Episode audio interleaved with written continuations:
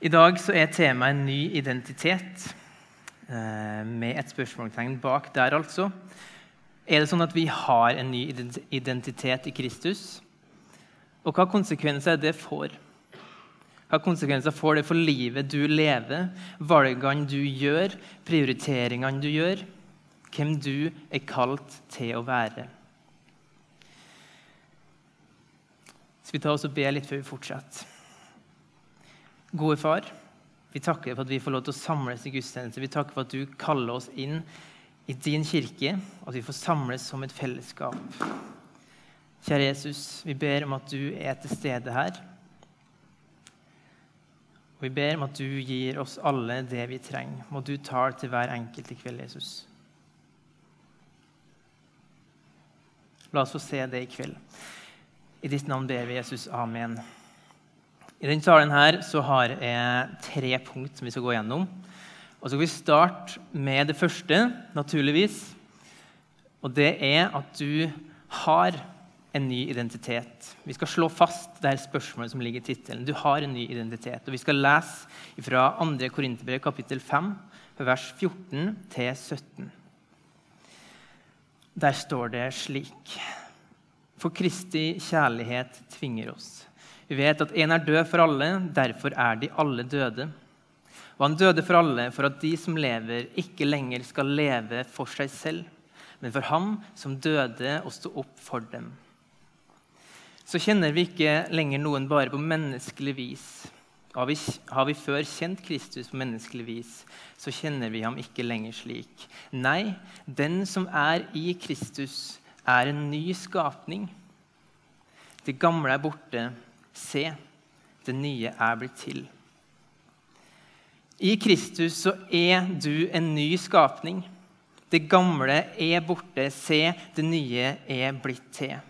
I troa på Jesus, han som døde og som oppsto for det, så er du gitt en ny identitet. Og det her det er objektivt, det er fakta, det er slik det er. Du er gitt en ny identitet. Og hvorfor er det slik? Jo, fordi det kommer ikke an på meg og det. Det handler ikke om hva jeg og du har gjort. Det er ikke på grunn av det. Du har egentlig ikke noe med det å gjøre. Dette er fakta, fordi dette handler om Gud og hva han har gjort. Det handler om at Gud har kommet helt nær det.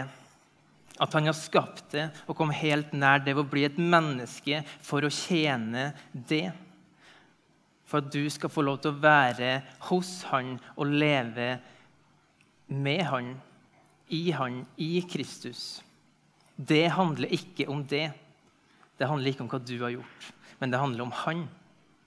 Hva han har gjort, hva han vil, og hva han tenker om det. Hør hva Gud sier i Jesaja 43 om hva han tenker om det, og hva han har gjort for det. Og nå så sier Herren, som skapte deg, Jakob, som formet deg, Israel. Vær ikke redd. Jeg har løst deg ut. Jeg har kalt deg ved navn. Du er min. Han som skapte, han som forma det, han som har løst det ut og kalt det ved navn, han erklærer det at du er hans. Det handler om Han. Det er din nye identitet. Den mest grunnleggende og fundamentale. At Gud, den evige og allmektige skaperen av himmel og jord, har kommet helt nær til det og erklærer til det. Vet du hva? Du er min. Det er din identitet. Du tilhører Han. Og det her er det du griper i troa. Det er det her du mottar når du foran Jesus får lov til å strekke fram to tomme hender og ta imot. Når du strekker fram to tomme hender og sier til Jesus ja, jeg er enig, jeg er enig i at jeg trenger det her som du har gjort. Jeg trenger det, Jesus. Det er det her du får da. Hvis du har fått tatt imot det, så har du din nye identitet i Han. Det handler ikke om det, men det handler om hva han har gjort for det. Men så er det slik kjenner jeg, og jeg tror mange av dere er enig med meg i det, at det her er ikke alltid like lett å leve på og stole på. Tankene mine og ikke minst følelsene mine tilsier ofte noe helt annet enn det her. Er det egentlig slik at jeg er en ny skapning? Det føles ikke slik. Altså, Jeg tror jo på en måte det er sant, men det kan ikke være så enkelt. Og egentlig så er jeg litt usikker på om jeg tror òg. I hvert fall om jeg tror nok. Kan det egentlig være sant? Noe av grunnen til at jeg og du ofte tenker slik og stiller spørsmål ved det, er, tror jeg, at vi står i en kamp. Og det er ganske viktig at vi minner oss sjøl på at vi faktisk står i en kamp, og vi står i en kamp på flere fronter. Vi står i en kamp mot djevelen, som forsøker å anklage det. Du står i en kamp mot deg sjøl, mot dine tanker og følelser, din gamle natur, som stadig gjør det vanskelig for deg. Tankene dine, følelsene dine, som stiller spørsmål til altså, jeg, jeg er jo egentlig ikke bra nok. Jeg er ikke flink nok. Og det står også en kamp imot de normene og reglene og den historien som vi blir fortalt i samfunnet, som er den komplett motsatte enn fortellinga vi finner i Bibelen. Og Uansett hvor de her tankene kommer ifra, om det er djevelen, det sjøl eller samfunnet, så er fellesnevneren at det dukker opp spørsmål i retning av er det virkelig sant at det er gitt en ny identitet. Helt ufortjent uten å gjøre noe for det. Og så vil det være et spørsmål om, eller en anklage om at jeg strekker egentlig ikke til for at jeg skal fortjene det her. Er det virkelig sant at jeg har en ny identitet? Det er et ekko av et spørsmål fra en viss slange i en viss hage. Og så møtes vi av det spørsmålet også i dag fra ulike kanter. Og så gjør det oss usikre. Og så er det så lett at det leder oss en annen vei enn til Kristus. Og som gjør det at vi bygger livet våre på noe annet enn Jesus. Bli med meg inn i Zakaria 3. Der står det slik.: Han viste meg øverstepresten Josva, som sto foran Herrens engel, mens Satan sto på hans høyre side for å anklage ham. Vi tar en liten pause. Øverstepresten Josva han står foran Herrens engel, som ofte blir tolka som Jesus i Det gamle sementet. Og Satan han er der for å anklage Josfa. Og så er det sånn at Josfa står der med skitne klær, og så står Satan og sier, 'Se på Josfa, da. Se så sjukt skitten han er. Se hvordan han ser ut. Så skal du stå her foran Herrens engel. Det funker ikke. De her anklagende stemmene har du i livet ditt. Enten om det er djevelen eller det sjøl eller samfunnet, hva det er. Det er alltid noen som vil anklage det, som vil sette spørsmålstegn ved hvorvidt du har en ny identitet eller ikke. Men hallo, se, se på deg sjøl, da. Se hvordan du lever. Ser du ut som en ny skapning? Med all den dritten som du gjør i livet ditt. Ser det ut som et liv i Kristus?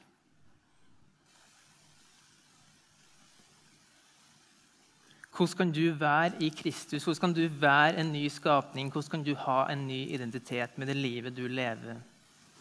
Men så står det videre om hvordan Herrens engel først refser Satan, som kommer med anklagene. For han beordrer det at Josfa skal tas av de skitne klærne og kles i rene klær, i festklær.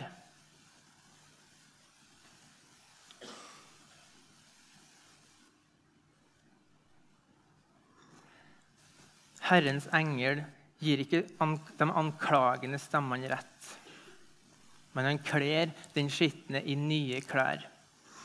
Klær forteller ofte veldig masse om en person, hva type det er. på en måte. Eh, og så er det vel sånn, uansett om vi liker det eller ikke.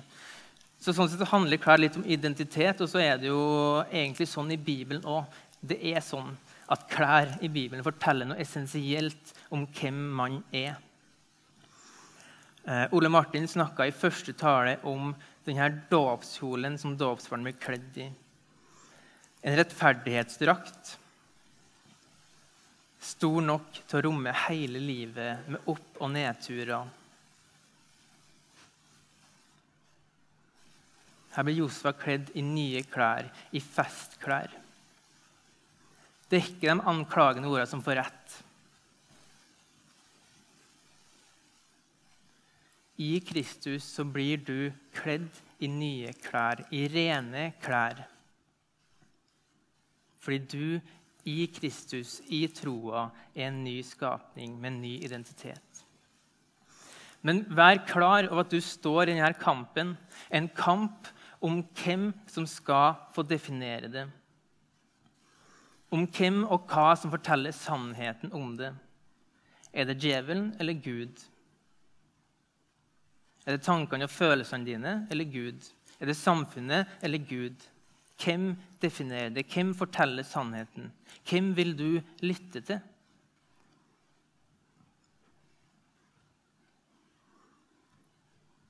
Djevelen, tankene eller samfunnet spør har du egentlig en ny identitet.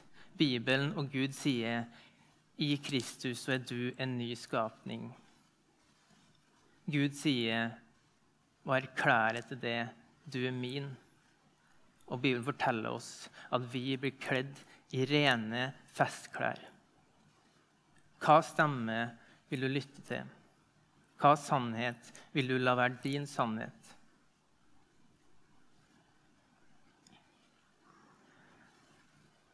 Men i Kristus så har du en ny identitet. Det er sånn det er, fordi det er Gud som har gitt deg den.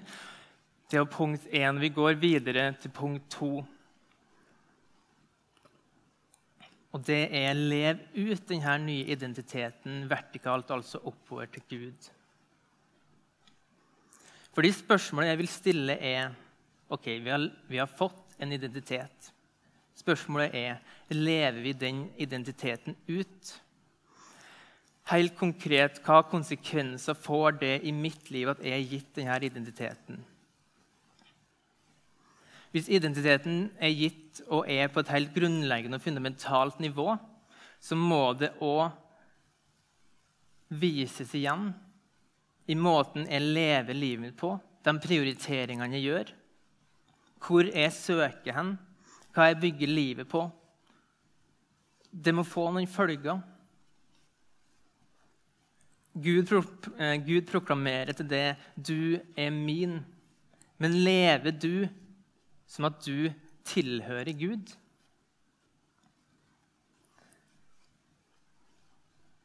Jeg tror Paulus setter ord på noe av det her i Kolosserne 3,1. Der skriver han Er dere da oppreist med Kristus, altså er dere oppreist med Kristus til et nytt liv, ny skapning, ny identitet. Sant? Hvis dere er oppreist med Kristus, som vi er, som vi har eh, på en måte lagt klart nå, så søk det som er der oppe, hvor Kristus sitter ved Guds høyre hånd. La sinnet være vendt mot det som er der oppe, ikke mot det som er på jorden.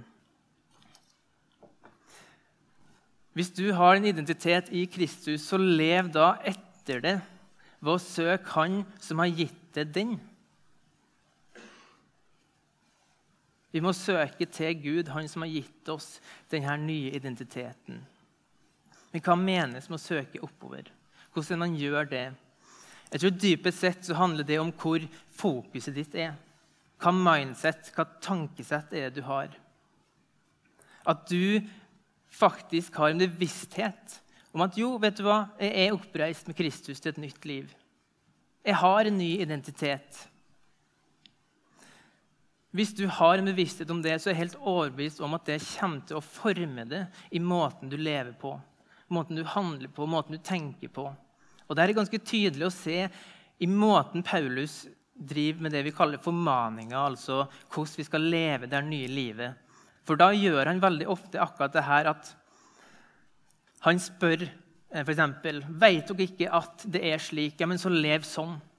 Det du har en bevissthet om, mindsetet ditt, gir en retning i livet ditt. F.eks. Romerne 6, som jeg har vært innom i taleserien tidligere, så er det som at Paulus sier Hei, vet dere ikke at dere reiste opp til et nytt liv i Kristus? Ja, men da lev da slik.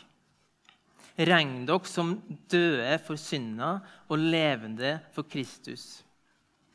Det er noe med mindsettet vi har. Vi må bevisstgjøre oss på at jo, men jeg har en ny identitet. Jeg er reist opp eh, til et nytt liv i Kristus Jesus. Så lev da slik. Lev på den identiteten. Vi må bevisstgjøre oss på det ved å søke oppover. Men hvordan gjør man det? Hvordan bevisstgjør man seg på det? Og Det store svaret på det i mitt hode det er praksiser. Det er trospraksiser. Og Det er litt touchy for meg å snakke om det, fordi det har vært en kamp for meg over ganske lang tid. Og korona hjalp ikke heller på, for å si det mildt. Men jeg er helt overbevist om at trospraksiser er svaret på om hvorvidt du søker det som er der oppe, eller ikke. Hvordan ser trospraksisene ut i livet ditt? Og hvordan ser de ut etter to år med korona? Jeg mener virkelig ikke å si at dette er lett, men jeg tror vi må stille oss det spørsmålet. Hvor er det du søker? Du trenger å prioritere trospraksisene. Du trenger å prioritere Bibelen. Du trenger å prioritere bønn. Du trenger å prioritere det å gå på gudstjeneste og leve i det kristne fellesskapet. Og du trenger å prioritere nattverd, som du får hvis du går her ganske ofte. Men prioriterer du det? Hvordan ser det her ut? Det som er greia er at Jeg merker så sykt lett i mitt eget liv hvor ufattelig latent de her unnskyldningene ligger og kommer. Altså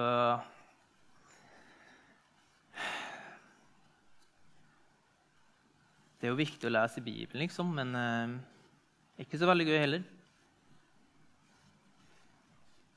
Og jeg klarer meg egentlig ganske fint uten å lese Bibelen.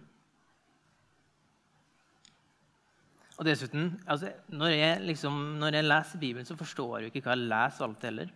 Jeg kan egentlig ikke lese Bibelen. Hva slags unnskyldning er det? Så klart kan jeg lese i Bibelen. Jeg kan jo lese. Avslør unnskyldningene. Fordi de unnskyldningene de holder mest sannsynlig eller helt, altså, De heller ikke vann. De unnskyldningene du har for å ikke, eh, for å ikke bruke tid i trospraksisene de heller ikke vann. Jeg kan lese Bibelen fordi jeg kan å lese. Jeg kunne stått og ramsa opp for dere forsida på NRK og TV 2-sporten og litt kjendissladder på vg.no. For det gjør det hele veien. Hvorfor tar jeg ikke opp Bibelen og leser den? Fordi jeg vet jeg trenger det.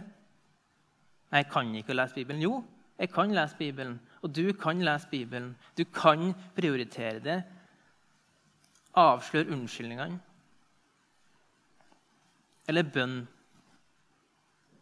Jeg er ikke så god til å be, altså.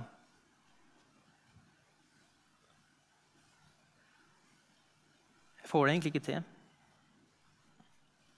Så klart så kan jeg å be. Fordi jeg kan å snakke, jeg kan å tenke. Og å be, det er å snakke og tenke med Gud og inkludere Gud i livet mitt i mine tanker, hvor jeg er i livet. Så klart kan jeg å be.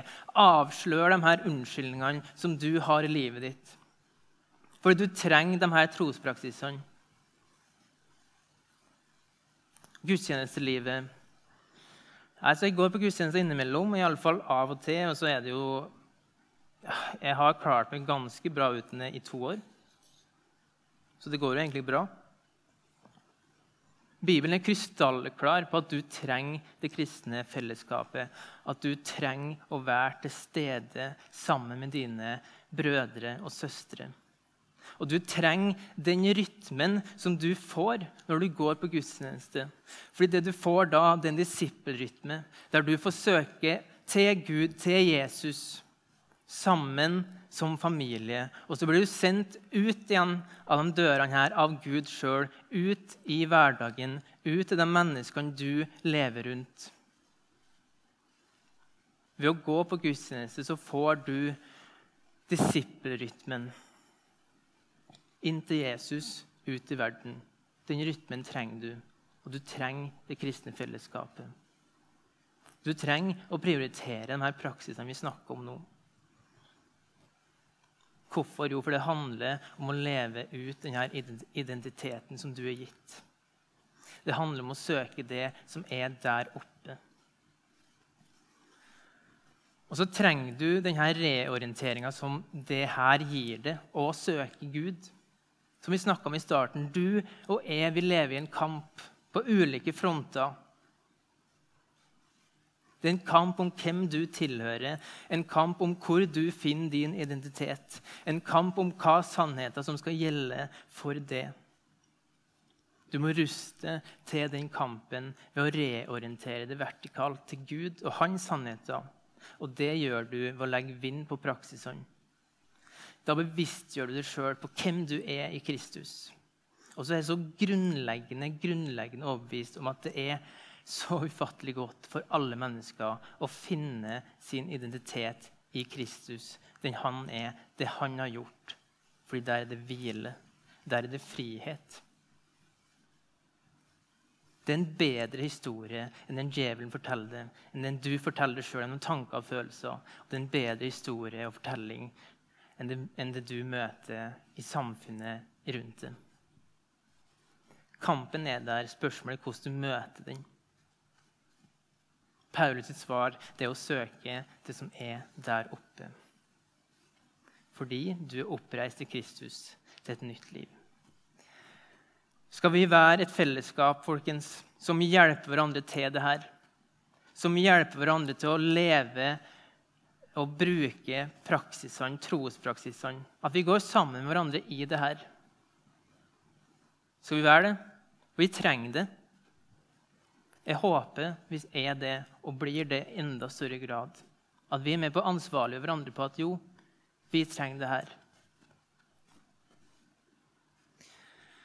Det siste punktet Lev ut denne nye identiteten horisontalt, altså i det skapte, blant dine medmennesker. Og det her kommer og følger naturlig av punkt to. For hva som skjer når vi søker Gud og finner identiteten i Kristus? Vi finner vår sanne identitet. Vi blir dem vi er skapt til å være. Vi er i Kristus, og vi vil dermed bære frukt, som det står om i Johannes 15. Ved at vi søker identiteten vår oppover i Gud, så vil Gud vise oss en annen måte å leve horisontalt på i det skapte enn det vi naturlig og intuitivt gjør. Hvordan er det naturlig og intuitivt orientere meg i det skapte med mine medmennesker? Jo, jeg er jo på søken etter hvem jeg er. Jeg ser etter muligheten for å bygge min identitet. Hvordan kan jeg vise at jeg har noe å komme med? At jeg er noe? Fokuset blir på meg og mine behov. Hvordan kan jeg bli stor med å bygge meg sjøl opp? Bygge min egen identitet. Og de menneskene jeg møter da, hva er det som skjer med dem? Hva er det jeg tenker om dem da?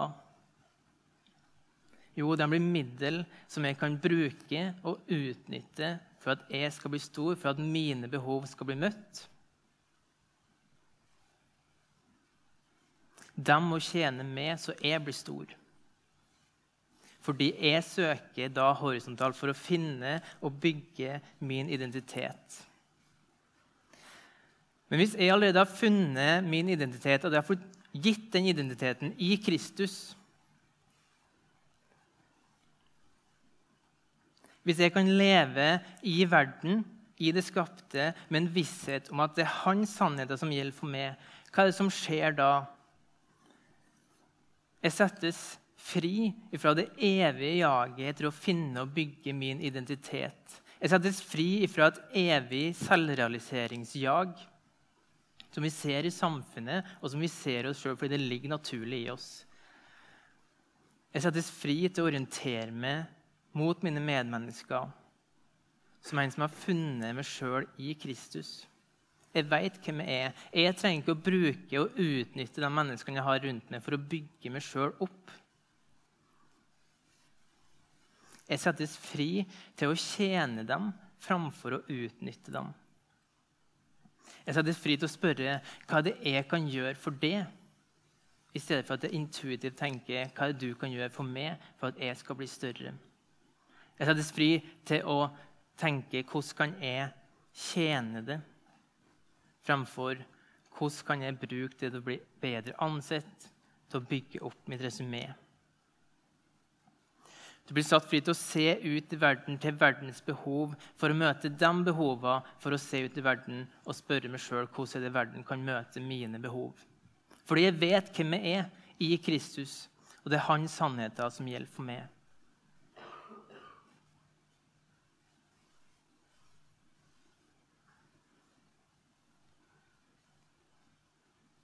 Derfor så vil du, ved å bli i Kristus, og søke det som er der oppe, ha din identitet i Han og Hans sannheter, da vil du bære frukt.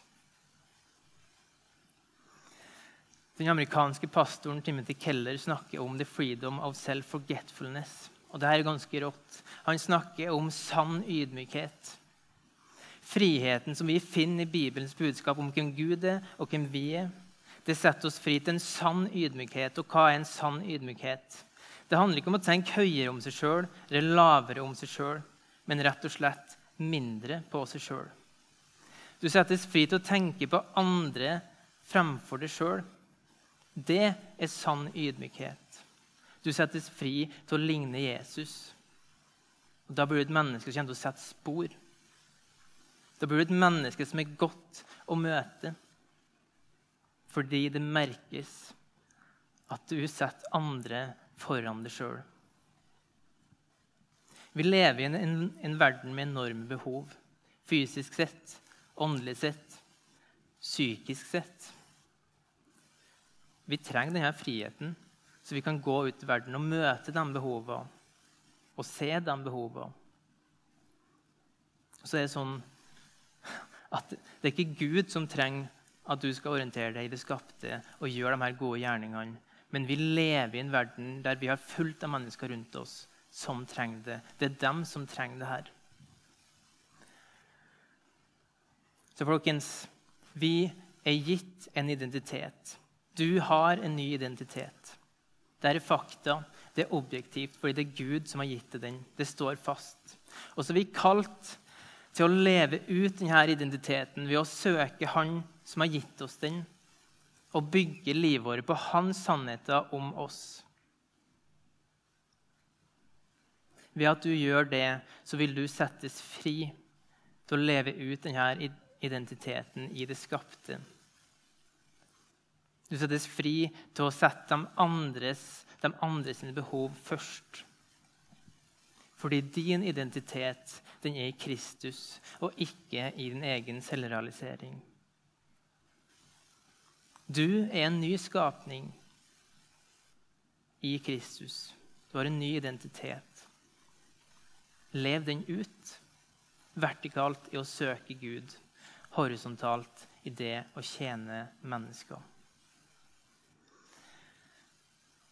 Kjære Jesus, vi takker for at vi skal få lov til å finne vår identitet i det. Vi takker for at den identiteten den står fast, fordi det er du som har gitt den til oss i troa på det, Jesus.